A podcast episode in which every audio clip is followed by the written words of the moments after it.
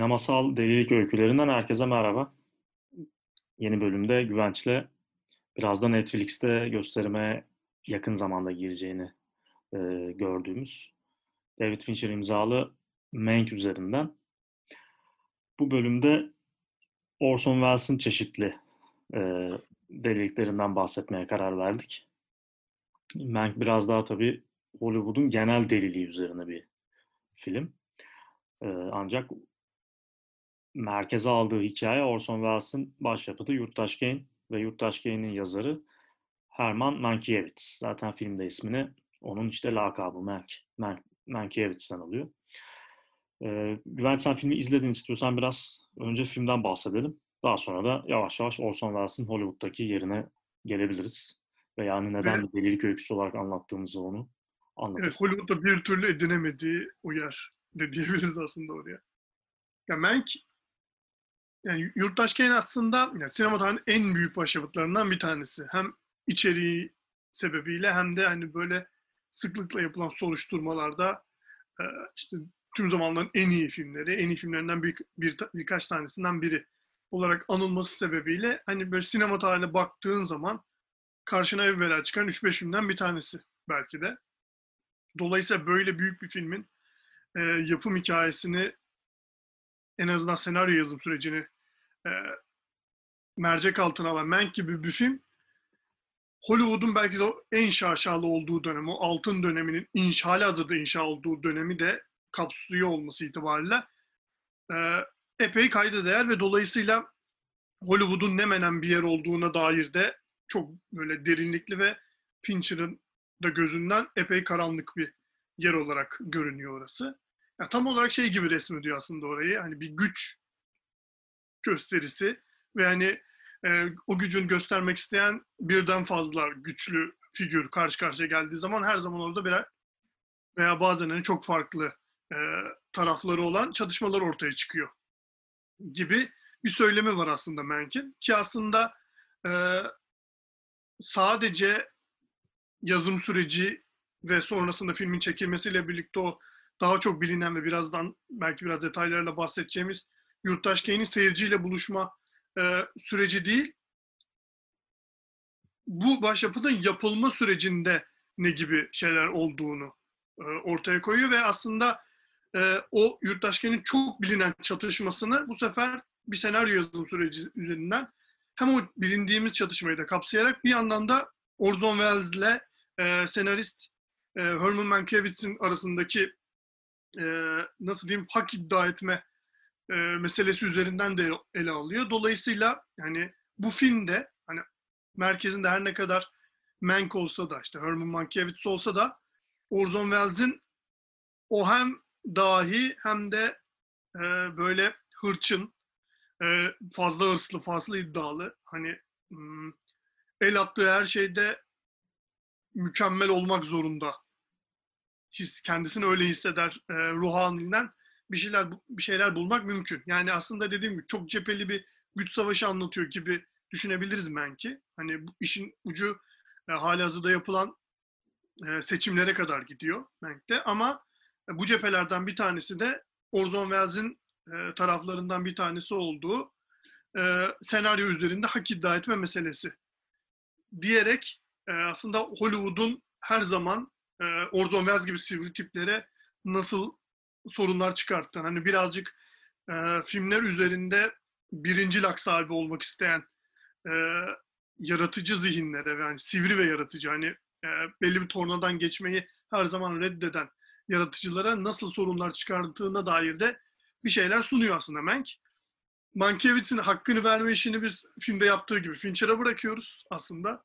Ee, biz burada Orson Welles'in Yurttaş Kane'den belki de en bilinen ve en büyük başyapıtı olan filmden başlayarak nasıl türlü delilik süreçleri içerisinden geçtiğini ve yavaş yavaş aslında neredeyse yok oluşa doğru gittiğini belki de itildiğini konuşacağız. Bazı filmleri üzerinden anekdotlarla diyebiliriz.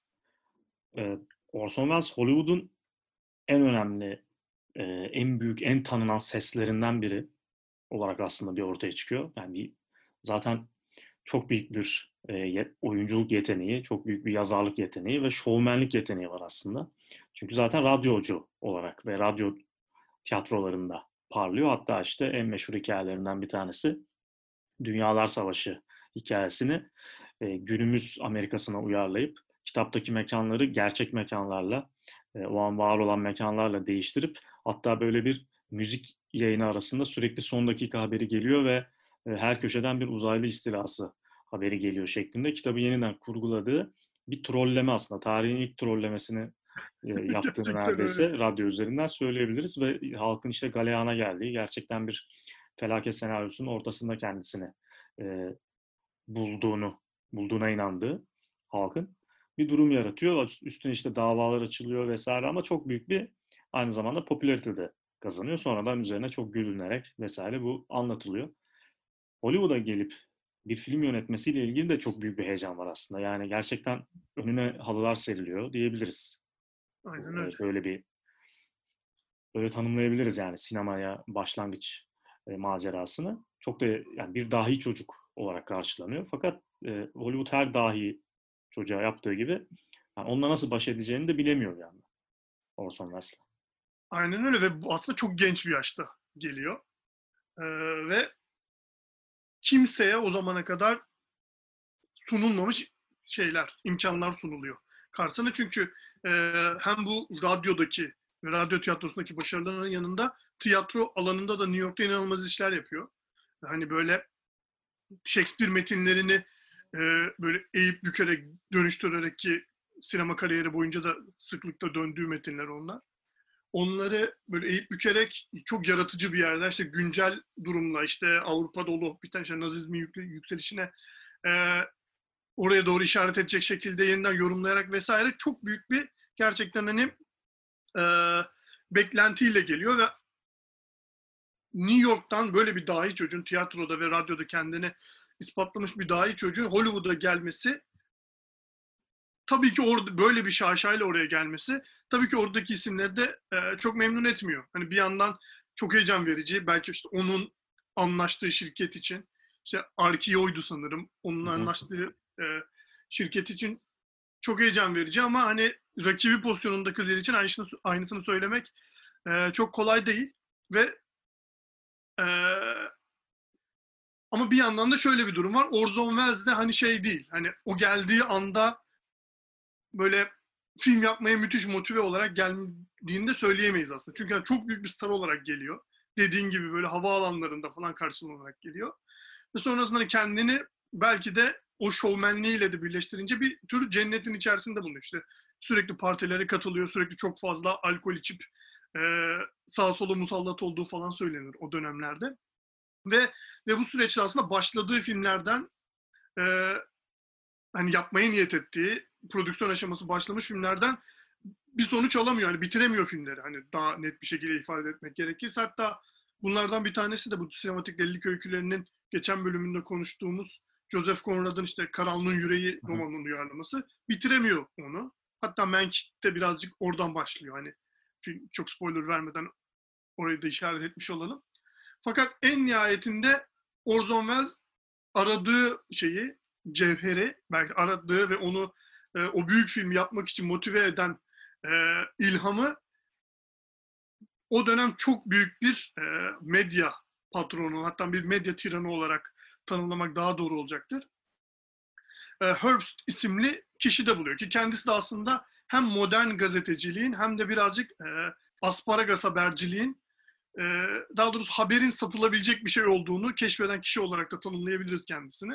Ve sonuçta böyle bir büyük bir keşifle birlikte kendisine devasa bir e, işte servet, devasa bir tanınırlık ve Marion Davis gibi aslında o dönem Hollywood'un e, böyle en önemli figürlerinden bir tanesi de yanına çekiyor. Ve bu yoldan da aslında şöyle bir durum var. Marion Davis'la aslında çift taraflı bir ilişkisi var. Marion Davis hem o daha fazla meşhur ediyor hem de e, onun vasıtasıyla Herbst bir şekilde Hollywood'un bir parçası haline de geliyor. İşte yapım şirketleriyle bu medya gücü sayesinde e, ilişki kuruyor vesaire. Tabii ki bu böyle bir e, büyük bir figür, yani tartışmalı da bir figür aynı zamanda. E, Orson Welles'in epey bir ilgisini çekiyor ve onun hikayesi aslında şimdi belki bu hikayeyi bilmeyenler ama Yurttaş Kane'i e, izlemiş olanlar bu Herbst'ün hikayesiyle Yurttaş Kane'in hikayesini çok benzediğini göreceklerdir. Ki bu hani ilk başta hani e, kabul edilmiyor gibi görülse de yani şu an biliyoruz ki Yurttaş Kane'in hikayesi Herbst'ün hikayesi. Evet, William Randolph Hearst yani Türkiye'de de e, bir zamana kadar işte yayın ortaklıkları vesaire olan Hearst grubunun, çok büyük bir medya grubunun kurucusu ve günümüzdeki senin de söylediğin gibi gerçeğin eğilip bükülebileceğini, e, gazeteciliğin karla e, ilişkilendirilebileceğini e, adeta ilk böyle ışığını gören isimlerden bir tanesi, bir iş insanı. Ve bu filmden sonra yani Orson Welles'ın biraz nalına mıhına ve yani gerçekten o dönem görülmemiş bir e, anlatım tekniğiyle ortaya çıkardığı hiç Hollywood gibi görünmeyen e, bir Hollywood filmi olarak çekti. Yurttaş sonrasında e, zaten Orson Welles daha ilk filmden hemen lanetleniyor.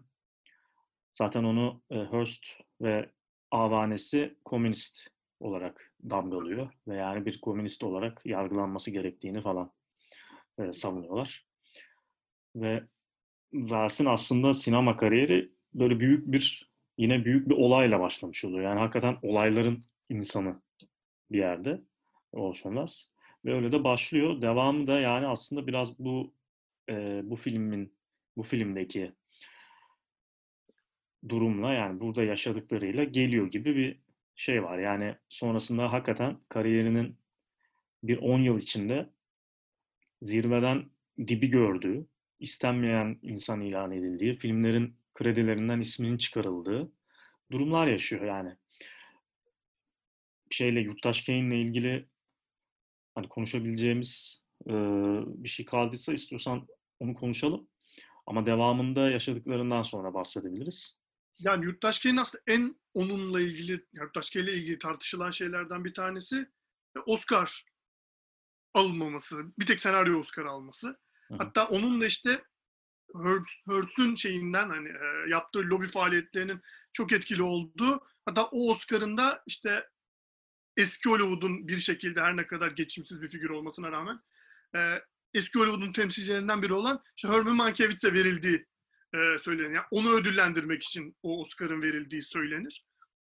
Yani o gerçekten onun kara propaganda dönemi çok enteresan. Orada çok ilginç detaylar var. Ee, yani filmle hiç alakası olmayan, işte Arkeo'nun değil e, ama işte MGM'in ve işte o dönem çok büyük e, Hollywood stüdyolarının sahiplerine Herbst filmin tüm e, kopyalarının satın alınmasını ve yakılmasını falan söylüyor. Yani öyle bir delilikten bahsediyoruz. Hı. Hani e, yani gerçekten hani Citizen Kane isimli filmin e, tarihten silinmesi gibi bir e, çabadan bahsediyoruz. Ama işte e, türlü olaylarla bir şekilde işte o Orson Welles'de o aurasını ve e, o etkileyicini, hitabet yeteneğini kullanarak böyle bir toplantıda o yapımcıları bir şekilde hani bu film en azından e, geleceğe kalsın gibi bir yerden ikna ediyor ve çok kısıtlı bir aslında beklentinin e, ötesinde çok kısıtlı bir şekilde dağıtıma girebiliyor film bu şeylerden sonra e, diyebiliriz aslında geneli itibariyle ve aslında o dönem Amerika'da da hani senin Oscar alamamasının yanında e, çok da hani şu anki gibi e, omuzlarda taşınan bir film olmuyor. Hani biraz anlaşılamıyor film. Yani biraz değerinin bilinmesi için de biraz 10-15 yıl sonra e, Avrupa'da filmin keşfedilmesi gerekiyor diyebiliriz. Ama yani o yaşananlar o kadar hani e, büyük ki tek bir sanatçının baş edebilmesi için gerçekten hani kariyeri e, düşe kalka biraz kör topal ilerliyor devamında Orson Welles'in. Yani Yurttaş 1941 yapımı. 41 yapımı bir film. E, beraberinde RKO ile olan anlaşması aslında devam ediyor ve 1942 yılında bu sefer The Magnificent Andersons'u çekiyor. E, yine bir e, roman uyarlaması, Booth Tarkington uyarlaması. Hı hı. Muhteşem Andersonlar diye e, ülkemizde de gösterim ismi. E, Muhteşem Andersonlar olarak belirlenen bir film. Ve stüdyo yani bu filmde Yurttaş Gain'de tabii ağzı yandığı için Wells'e gerçekten cehennemi yaşatıyor. Yani bütün o Yurttaş Gain'in acısı aslında bu filmde çıkıyor. Film çünkü yine bir takım e, damarlara değinen, dokunan bir film. Muhteşem Amber sonlarda. Ve filmin 50 dakikasını e, kesiyorlar. E, Wells'in kurgusunu zaten tamamen e, rafa kaldırıyorlar. Filmin 50 dakikasını kesiyorlar. Kestikleri bütün bu kısmı sonradan ortaya çıkmasın diye de yakıyorlar. Evet. Baya yani vahşice bütün filmi kendi bildikleri gibi kesip biçip ve yani zarar edemeyecekleri bir e, noktaya getirip o haliyle piyasaya sürüyorlar. Hatta e, Wells'in ismini de silmeye kalkıyorlar filmden. Hı hı. Yani hani onun çekmediği falan bir durum varmış gibi de davranmaya çalışıyorlar. Fakat yani or, bunu artık yok edemiyorlar. Ve artık yani yavaş yavaş Wells'in o şey laneti başlıyor. Yani Hollywood'da istenmeyen insana dönüştüğü durum başlıyor. Ki ona rağmen gene de bir takım projeler yap, yapmayı başarıyor. Yani e, 1946'da The Stranger'ı çekiyor. Yine politik bir film. Politik arka planı güçlü bir film. E, bir işte barışçı bir komünitenin içinde gizlenen eski bir Nazi artığını canlandırıyor ve bir yandan işte onun hikayesini anlatıyor. 46'da e, sonradan işte çekip yine isminin bir şekilde silindiği Şangaylı Kadını çekiyor 47'de. Ve yine 46'da e, Stranger'la yabancı ile aynı zamanlarda Macbeth'i çekiyor. Bütün bu üç filminde ne yazık ki şey olarak e, gişe rakamları olarak başarısız olmasının da akabinde soluğu Avrupa'da alıyor. Almak zorunda kalıyor. Almak zorunda durum. kalıyor. Yani çünkü yani bu filmlerin hepsini e, yani özellikle Magnificent Ambersons ve e, Macbeth'in kurgularının hani şey böyle resmen doğrandığını söyleyebiliriz ameliyat abi. Çünkü Ambersons'ın şeyi e, orijinal kurgusu 148 dakika bildiğim kadarıyla. Yani şu an hani en uzun ulaşılabilen hali bilmiyorum ama genel olarak film hani 90 dakika civarında bir şey izleyebiliyoruz biz o filmi e, izlemek istediğimizde gibi bir durum var. Macbeth için de benzer bir durum geçerli. E, onun da hani ilk şeyden sonra ilk seyirciyle buluşmasından sonra yaklaşık böyle bir 20-25 dakikalık kısmı yine atılıyor hani stüdyo tarafından beğenilmediği için geneli itibariyle hatta onunla ilgili Macbeth'le ilgili şöyle bir detay da var. Ee, hani biraz daha şey bir film gerçekten.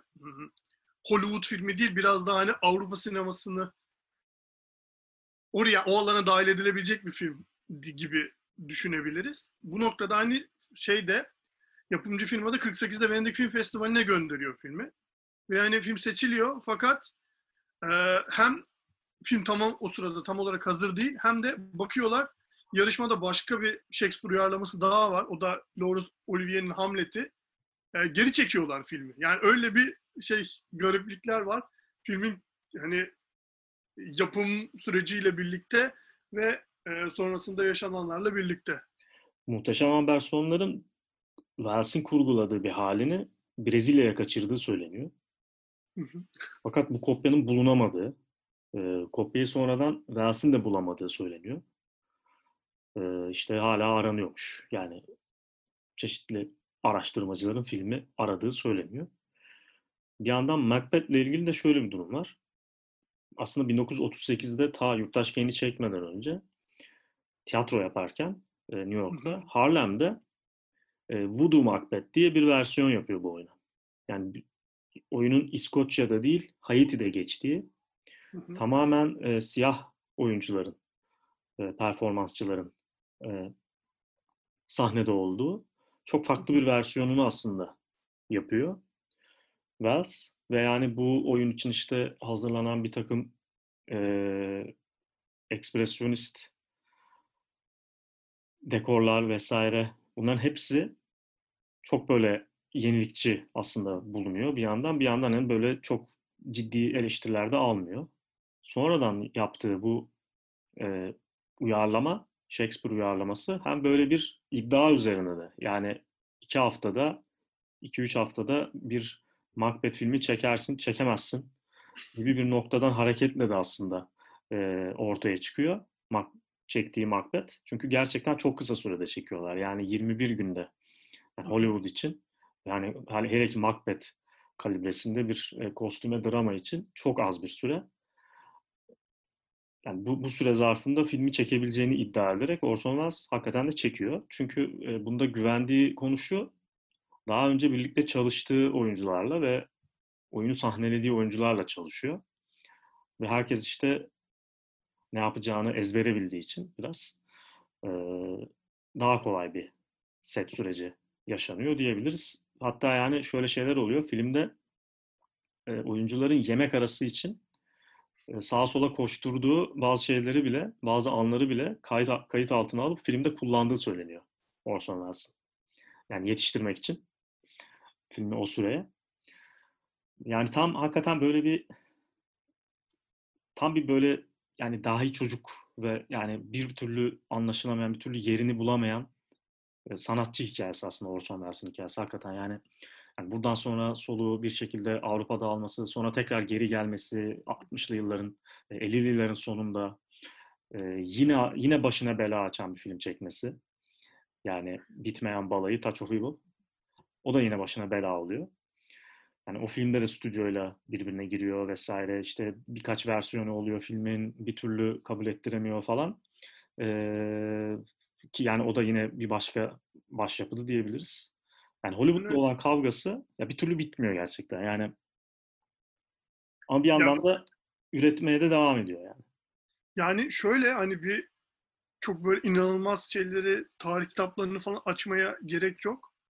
Böyle e, IMDb profiline girdiğimiz zaman Orson Welles'in böyle e, aşağı doğru kaydırdığımızda böyle filmlerin hepsinin bir şekilde yani çoğunun e, yanında parantez içinde bir şeyler olduğunu görüyoruz. İşte kimisi bitmemiş, kimisi işte yarım kaldığı için o haliyle televizyonda yayınlanmış, işte kimisinin e, kredilerinden adı çıkarmı, çıkarılmış. Ya bu şey gerçekten hani Orson Welles kalibresindeki bir yönetmen için çok garip bir şey. Yani şu an Orson Welles kalibresinde görünen bir yönetmen için e, çok bir şey. Yani aslında şey dedin ya e, Avrupa'da solo alıyor. Yani bu aslında biraz da kaçınılmaz olarak çünkü film yapmak istiyor ve artık e, özellikle Macbeth'ten sonra kimse ona e, Amerika'da, Hollywood'da e, finans sağlamıyor.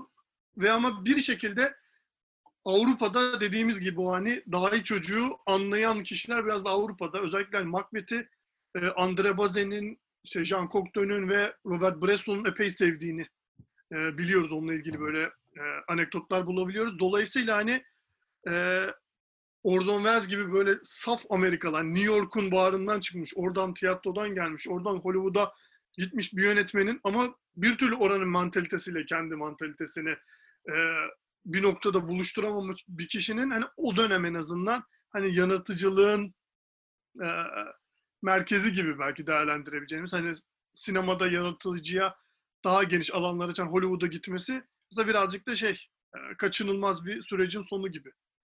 Yani son filmi e, 2018'de bir şekilde Netflix'in girişimleriyle tamamlanan. The Other Side of the Wind oluyor. Rüzgarın öbür yanı. Hı hı. Böyle bir Hollywood taşlaması aslında film.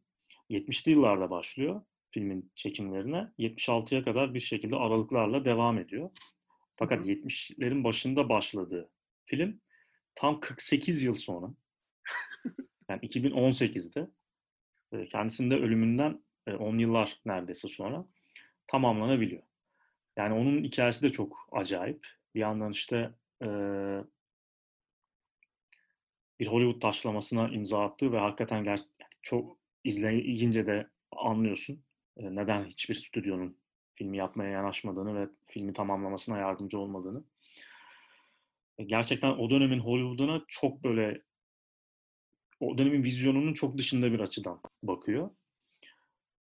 Ve yerden yere vuruyor falan diyebiliriz.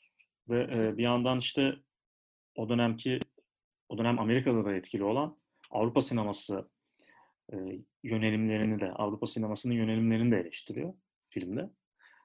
Ve bir yandan yani bu filmi yaparken işte e, galiba görüntü yönetmeni Raymond Craver mıydı?